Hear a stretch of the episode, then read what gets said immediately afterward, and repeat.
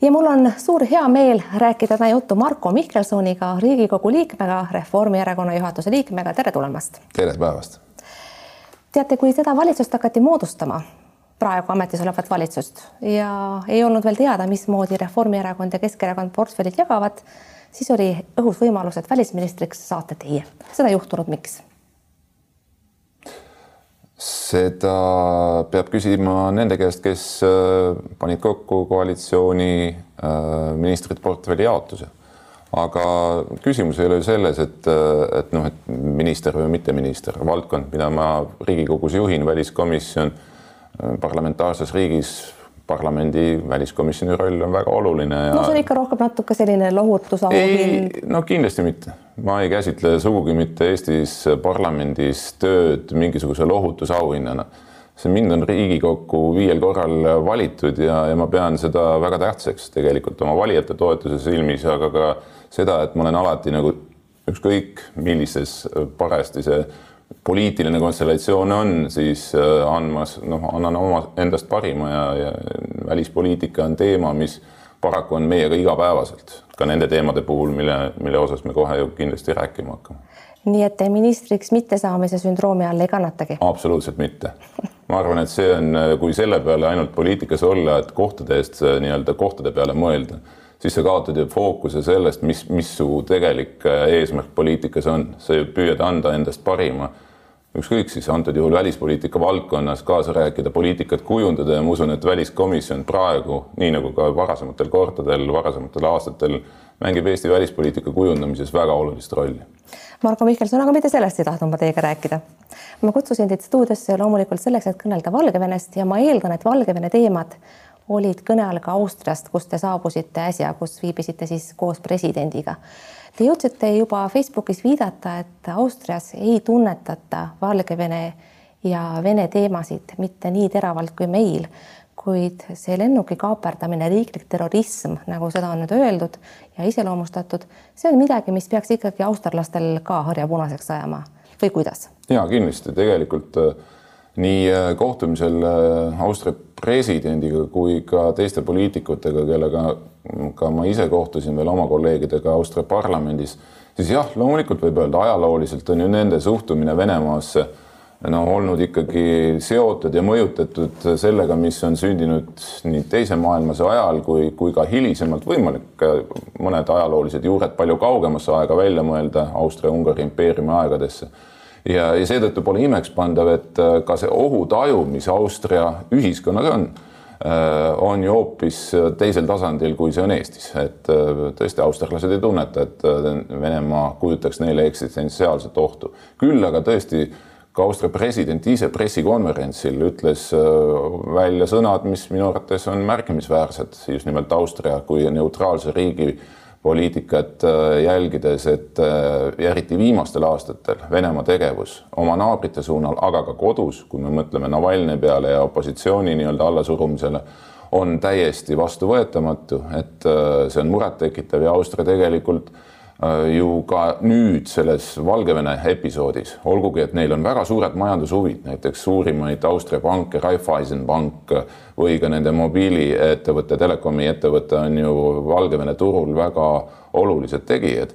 aga sellele vaatamata reaktsioon peale Euroopa Ülemkogu oli kiire keelati Valgevene riiklikul lennukompaniil Austria õhuruumi äh, lendamine, samamoodi ka Austria enda lennukompanii koheselt vältis teel Moskvasse siis Austria õhuruumi sisselendamise, selle eest küll Venemaa karistas neid eile ühepäevase nii-öelda punase kaardiga et eile siis äh, keelduti Austria äh, õhuliinide lennukit vastu võtmast äh, lennul Moskvasse. täna hommikuse seisuga on see keeld jälle maha võetud. aga vaatamegi siis võib-olla lähemalt. aga no ma ütleks jah, et lühidalt kokkuvõttes, et ma usun, et Austria on kindlasti Äh, väga oluline lüli selles Euroopa Liidu ühispositsiooni kujundamises, mis puudutab ka surve avaldamist Valgevenele. aga vaatamegi võib-olla nüüd järjest Euroopa Liidu samme ja siis ka Eesti väikest rolli sellest. võib-olla alustame Eestist, et äh, Eva-Maria Liimets, välisminister, kutsus algatuseks välja suursaadiku. aga ma mõtlesin seda uudist lugedes, et noh, mis seal siis ikka Lukašenka on kõige sellega arvestanud, suursaadik on ka harjunud vaibal käima, kohvi jooma ja peapesu saama. mis sellest muutub, kui väike riik Eesti sellise sammu astub? Jah, tegelikult see on üks väike episood meie partnerite, liitlaste ühises tegevuses, sellepärast et sarnaselt nüüd antud juhul, kui me räägime sellest saadiku väljakutsumisest, see on diplomaatiline samm, kui väljendatakse selget muret siis asukohariigis, antud juhul Valgevenes toimuva üle ja selle intsidendi üle, sama tege-, tegelikult tegid juba pühapäeva õhtul Prantsusmaa, mitmed teised riigid, eriti need siis, kelle kodanikud seal oli vist seitsme-kaheksa Euroopa Liidu äh, riigi kodanikud olid sellel lennul Ateenast äh, Vilniusesse.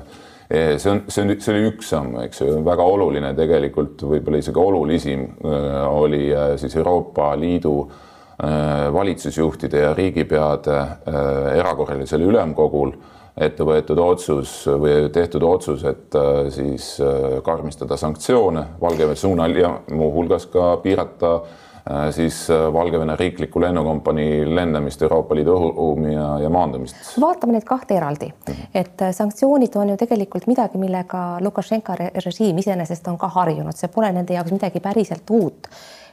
Praegusel juhul ilmselt tuleks kiita Euroopa Liidu reaktsiooni, et need kehtestati nüüd, uuendati nii ruttu. Ja otsustavaks tõenäoliselt saab see, kui hästi need päriselt toimima hakkavad. kui lootusrikas olete teie selle suhtes, et need päriselt ka Lukašenkat mõjutavad? ja ma usun, et tegelikult mõjutavad.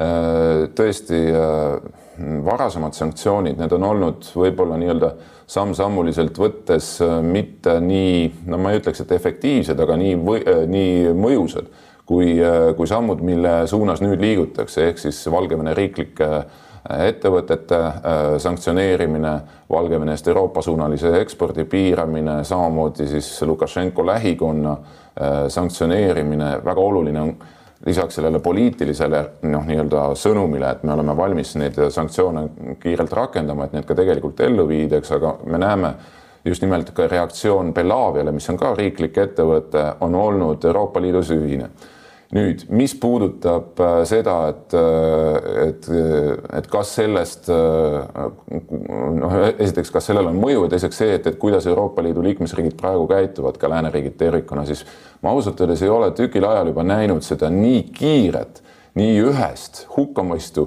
ja hukkamõistmisele järgnevat ka valmisolekut kohe reageerida reaalse poliitilise otsusega. mis on Euroopa Liidu sanktsioonide puhul alati probleemiks olnud, et nad venivad, et nende vastuvõtmine võtab aega, sellepärast Euroopa Liit, esiteks liikmesriigid peavad ühisele meelele jõudma ja teiseks see, et kui sa sanktsioone kehtestad, siis ta peaks olema no nii kindel, et äh, nende sanktsioonide vastu ei ole võimalik kohtusse minna või neid äh, siis läbi arbitraaži tühistada näiteks ja, üks väga ilmekas näide tegelikult, mis minu noh, paarikümne aastase poliitiku karjääri jooksul oli täiesti esmakordne. pühapäeval, kui see lennuki juhtum toimus, siis õhtul äh, ma ütleks kahe tunni jooksul minu enda kolleegide tasandilt siis Euroopa, äh, Euroopa riikide ja ka tegelikult USA äh, väliskomisjonide esimehed kirjutasid ühisavalduse ja, ja väljastasid ka selle vaevalt paari tunni jooksul ja seal esialgsel nii-öelda allkirjade kogumise järgselt oli meil üheksa riiki, Ameerika Ühendriigid, Saksamaa, Suurbritannia, Eesti, Läti, Leedu, Poola, äh, Tšehhi ja Iirimaa, nii et, et noh, ka jällegi näide sellest, et siin ei ole mures ainult Eesti, Läti, Leedu ja Poola, mida võib-olla viimasel ajal on esile tõstetud, et meie oleme justkui need, kes nagu ainukesena mõistavad seda ohtu ja, ja muret, mis seal toimub. Aga, aga teisest küljest praeguse selle avaldusega muuhulgas on liitunud juba viisteist riiki, nii et see näitab, et tegelikult see teatud punane joon, mida Lukašenko ületas, on väga paljudele korda läinud president Kersti Kaljulaid on rääkinud vajadusest peatada ka transiit läbi Valgevene ja juba varem Skripalide mürgitamise järel rääkis ta tarvidusest peatada rahavood, mis liiguvad näiteks läbi Londoni finantskeskuste.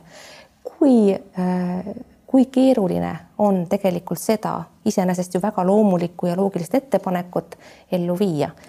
jah, poliitiliselt on, äh, võiks ju veel äh, riik, äh, rääkida juurde, no aga millal me siis selle Nord Streami kinni paneme või peatame selle ehituse, eks ju. kusjuures seda ei ole ju praegu üldse uuesti tõstatatud, seda küsimust. no on tõstatatud, on poliitiliselt ja retooriliselt, isegi Saksamaal on näiteks rohel, rohelised on selle tõstatanud, aga me teame, et Saksamaa, see on Saksamaa otsus, me ei saa noh, seda mõjutust on tehtud ühel ja teisel viisil ja kahjuks ka Ameerika Ühendriigid praegu pigem eelistavad suhete taastamist äh, Saksamaaga, kui nüüd siis Saksamaa ettevõtete või ka konkreetsete füüsiliste isikute nagu Mattias Varningu näiteks sanktsioneerimist. aga ikkagi rahavood, transiit, varad. ja väga õiged küsimused ja ma usun, et äh, me oleme jälle sammu lähemal sellele, et seda otsust teha, üks asi on see poliitilise tasandi otsus, jah, me oleme, me näeme, et olukord on nii hull, et me, et me et meie mõjutus või meie soov nagu kutsuda esile muutust, kutsuda esile see, et, et Valgevenes on ju üle neljasaja poliitvangi praegu, kes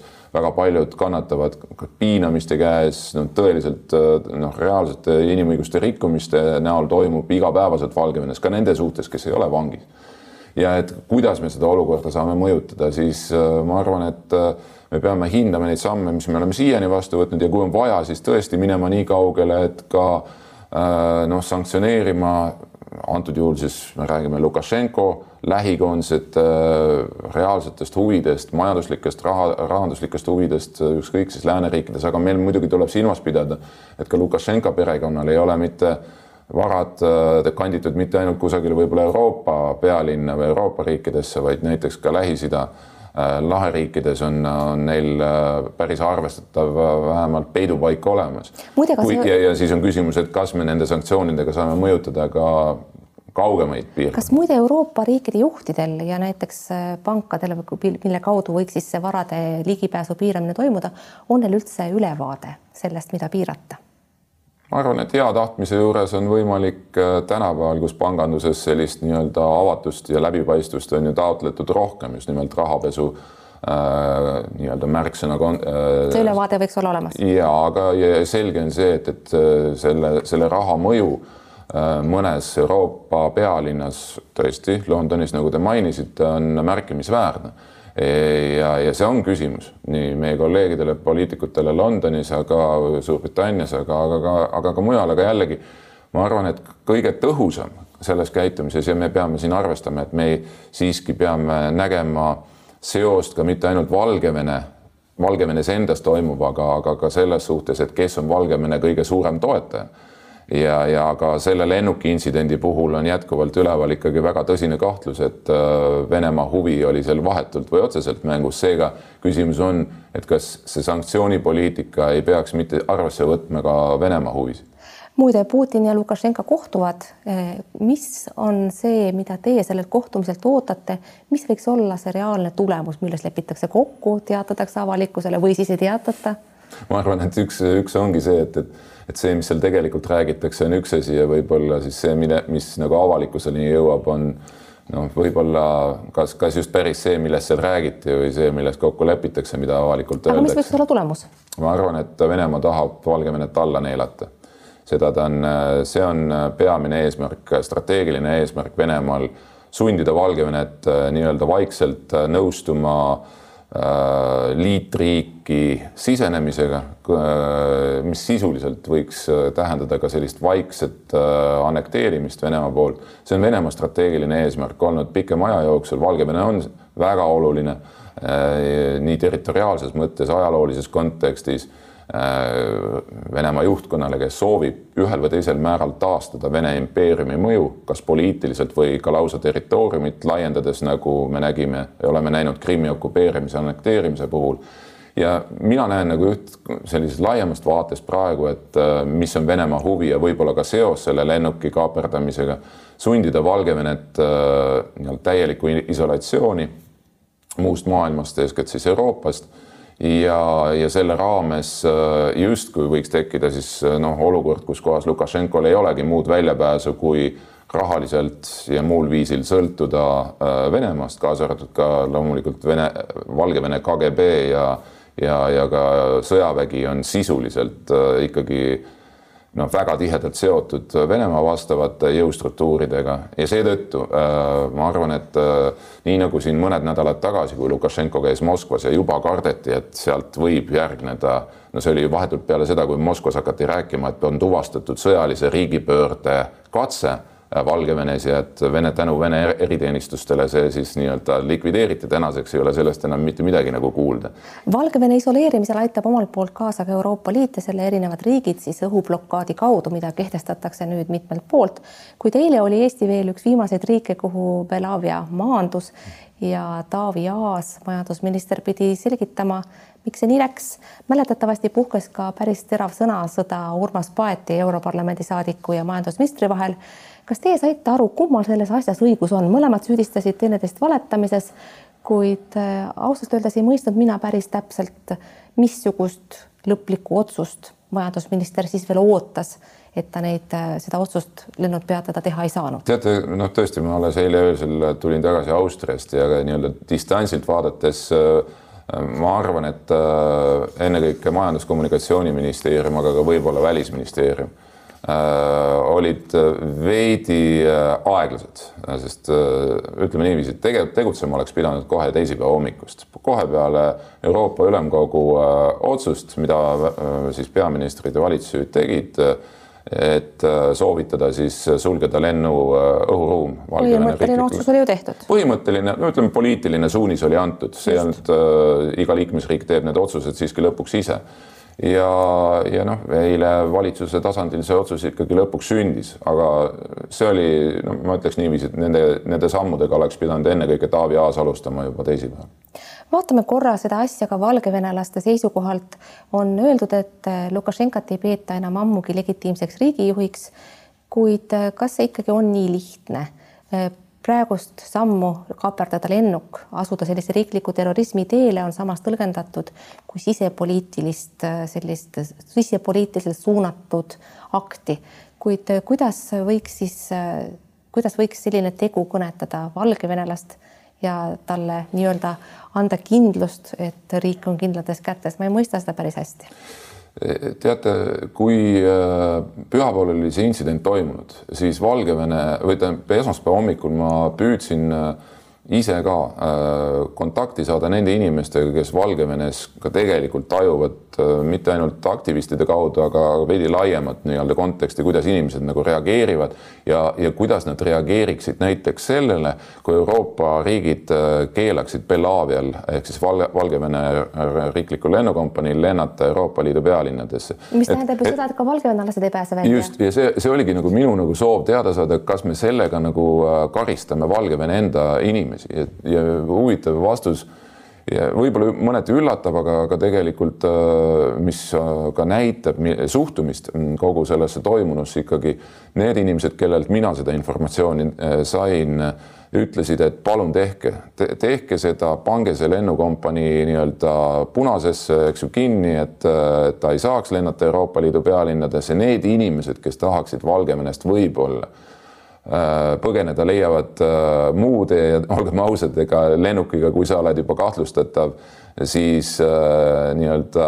nagu naiste kogemus näitab, polegi turvaline lennata. ja ei ole kindlasti turvaline lennata ja, ja, ja, ja, ja selles mõttes, kuna Belavia on üks siiski ka riiklik kompanii, kes kes, kes on teatud mõttes doonor ka sellele terroristlikule režiimile, mida me Valgevenes täna näeme, siis inimesed tegelikult väga üheselt toetavad, toetavad ka sanktsioonide karmistamist. kui ma olen küsinud, et mida me saaksime teha teie jaoks, teie jaoks, kes soovivad tegelikult ei midagi enamat kui vabasid valimisi, et ise otsustada Valgevene tuleviku üle. ükskõik, milline see ei ole, aga nende vaba valik ja tahe on see, mida nad soovivad siis saavutada ja nad on öelnud, et tõesti Valgevene praeguse režiimi karmistamine, sanktsioonide karmistamine nende suhtes, pluss riiklike ettevõtete tegevuse piiramine sanktsioonide kaudu oleks see üks noh, nii-öelda mõjusamaid vahendeid, mis aitaks ka nendel inimestel, kes soovivad Valgevenet nagu tulevikku muuta, sellele kaasa aidata teeme võib-olla katse vaadata ka diktaatori pea sisse, see on selles mõttes tänamatu tegevus, et meil tegelikult see võimalus ju puudub,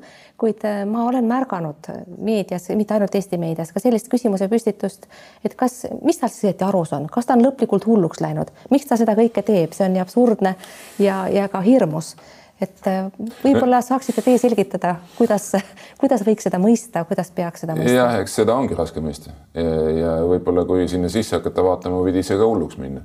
et äh, tegelikult äh, eks äh,, eks see tegelikult näitab, et ta kardab ju selgelt oma režiimi püsimise, oma var varanduse, oma võib-olla isegi ka oma elu eest sest ta teab, et äh, ega need sõnumid, mis tulid Moskvast äh, siin äh, mõned nädalad tagasi, no vihjan tagasi sellele Putini kõvahäälsele väljaütlemisele, et me oleme peatanud riigipöördekatse, kus taheti tappa Aleksandr Lukašenko ja tema perekond.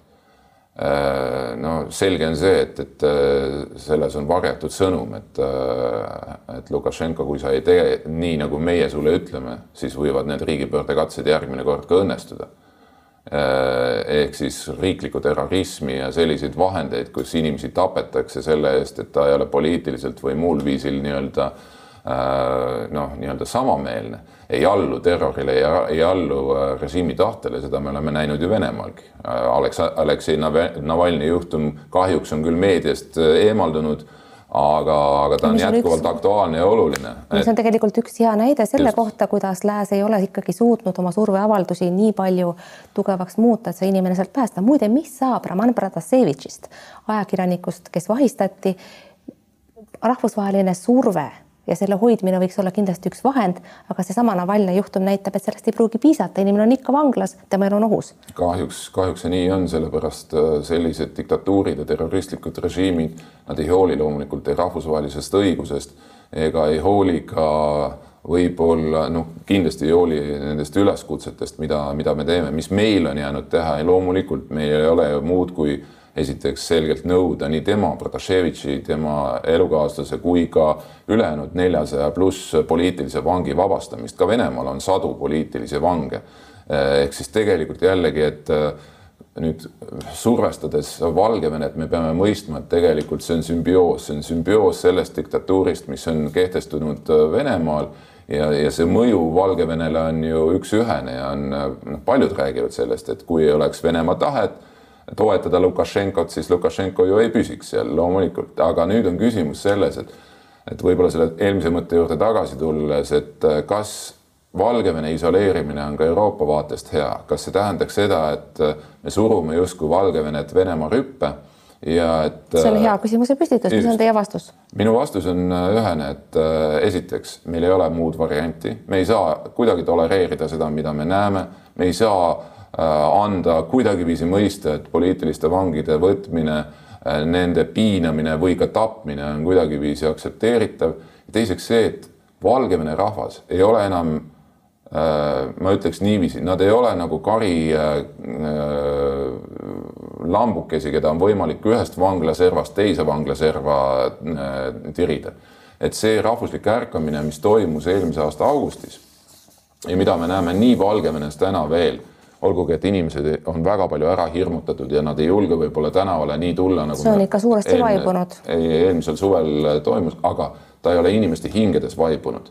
ja, ja ma olen täiesti veendunud, et kui peaks toimuma selline mingisugune nii-öelda anneksiooniakt või, või siis Valgevene liitmine Venemaaga, siis väga suur osa valgevenelastest äh, seda kindlasti ei aktsepteeri äh,. küsimus on lihtsalt selles, et mis on nende võimuses Äh, siis teha, näidata inimestena, kes tegelikult, aga see on hästi oluline moment ka võib-olla äh, üle öelda, et Valgevene rahvas ei taha vägivalda, nad on kõige rohkem kannatanud kahekümnendal sajandil äh, nii-öelda rahvana siin meie lähipiirkonnas, kes kaotas, nad kaotasid teises maailmasõjas kakskümmend viis protsenti elanikest tapetutena.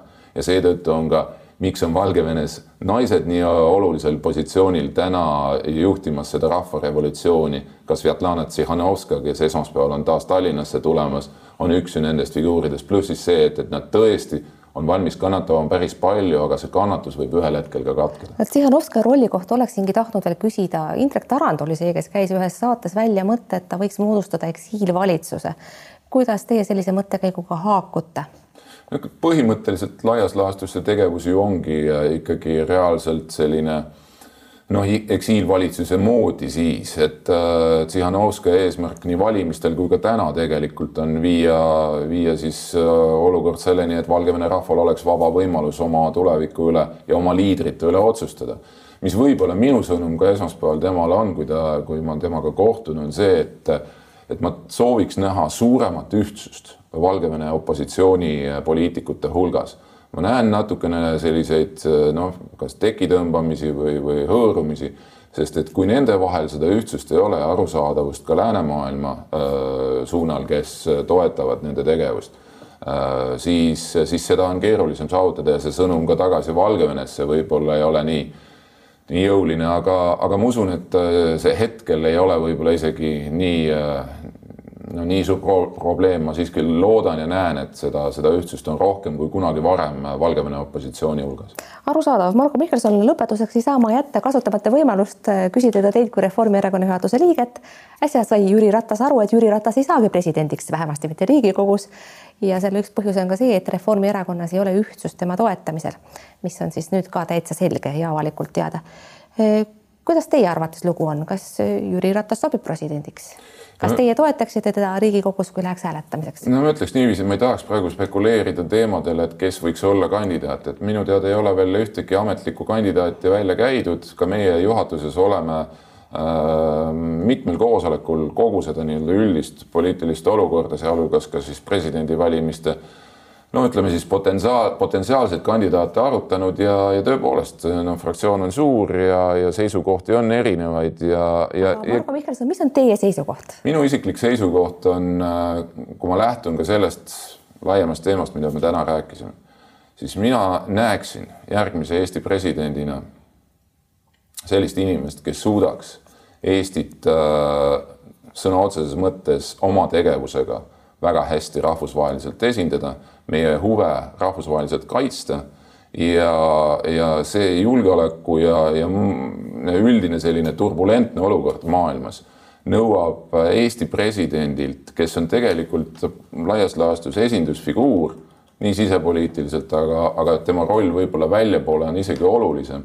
ma olen näinud Eesti presidente, väga erinevaid presidente äh, Eesti huvisid kaitsmas äh, kaasa arvatud ka Kersti Kaljulaidi alles äh, äsjasel visiidil Austriasse. aga küsimus ma... oleks ikkagi, kas Jüri Ratas sobib või ei sobi teie ma... hinnangul?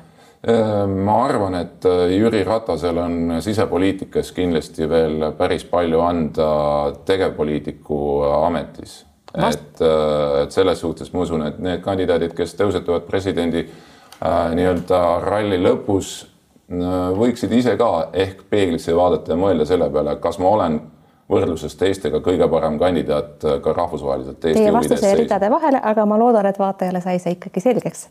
kindlasti hoiate lõpetuseks silma peal ka oma endisel koduerakonnal ehk siis Isamaal, kunagisel IRL-il, millest te lahkusite.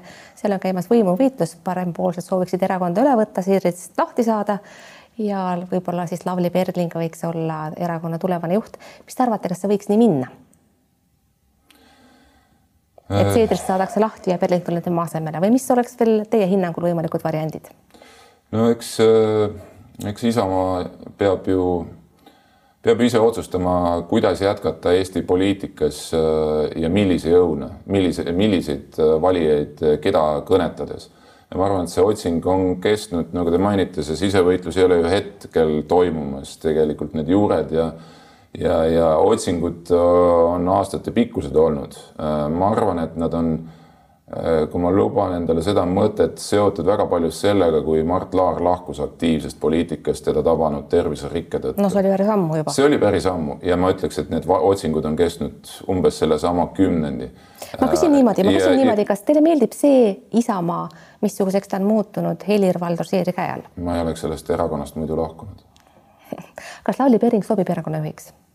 Ma arvan, et Lavly Perling on äh, väga hea professionaal, äh, kes võiks poliitikas anda väga palju, nii et äh, ma usun, et, et see võitlus ja, ja nii-öelda valik Isamaa erakonna sees saab olema tegelik valik valik ja võitlus ideede ja mõtete osas, kuhu erakond võiks edasi liikuda, aga selle otsuse teevad erakonna liikmed, nii nagu ikka. Tõepoolest. Marko Mihkelson, suur tänu, et tulite stuudiosse, head sõbrad, aitäh, et te vaatasite. vaadake teinekord ikka jälle, olge vahepeal terved, mingu teil hästi, kuulmiseni, nägemiseni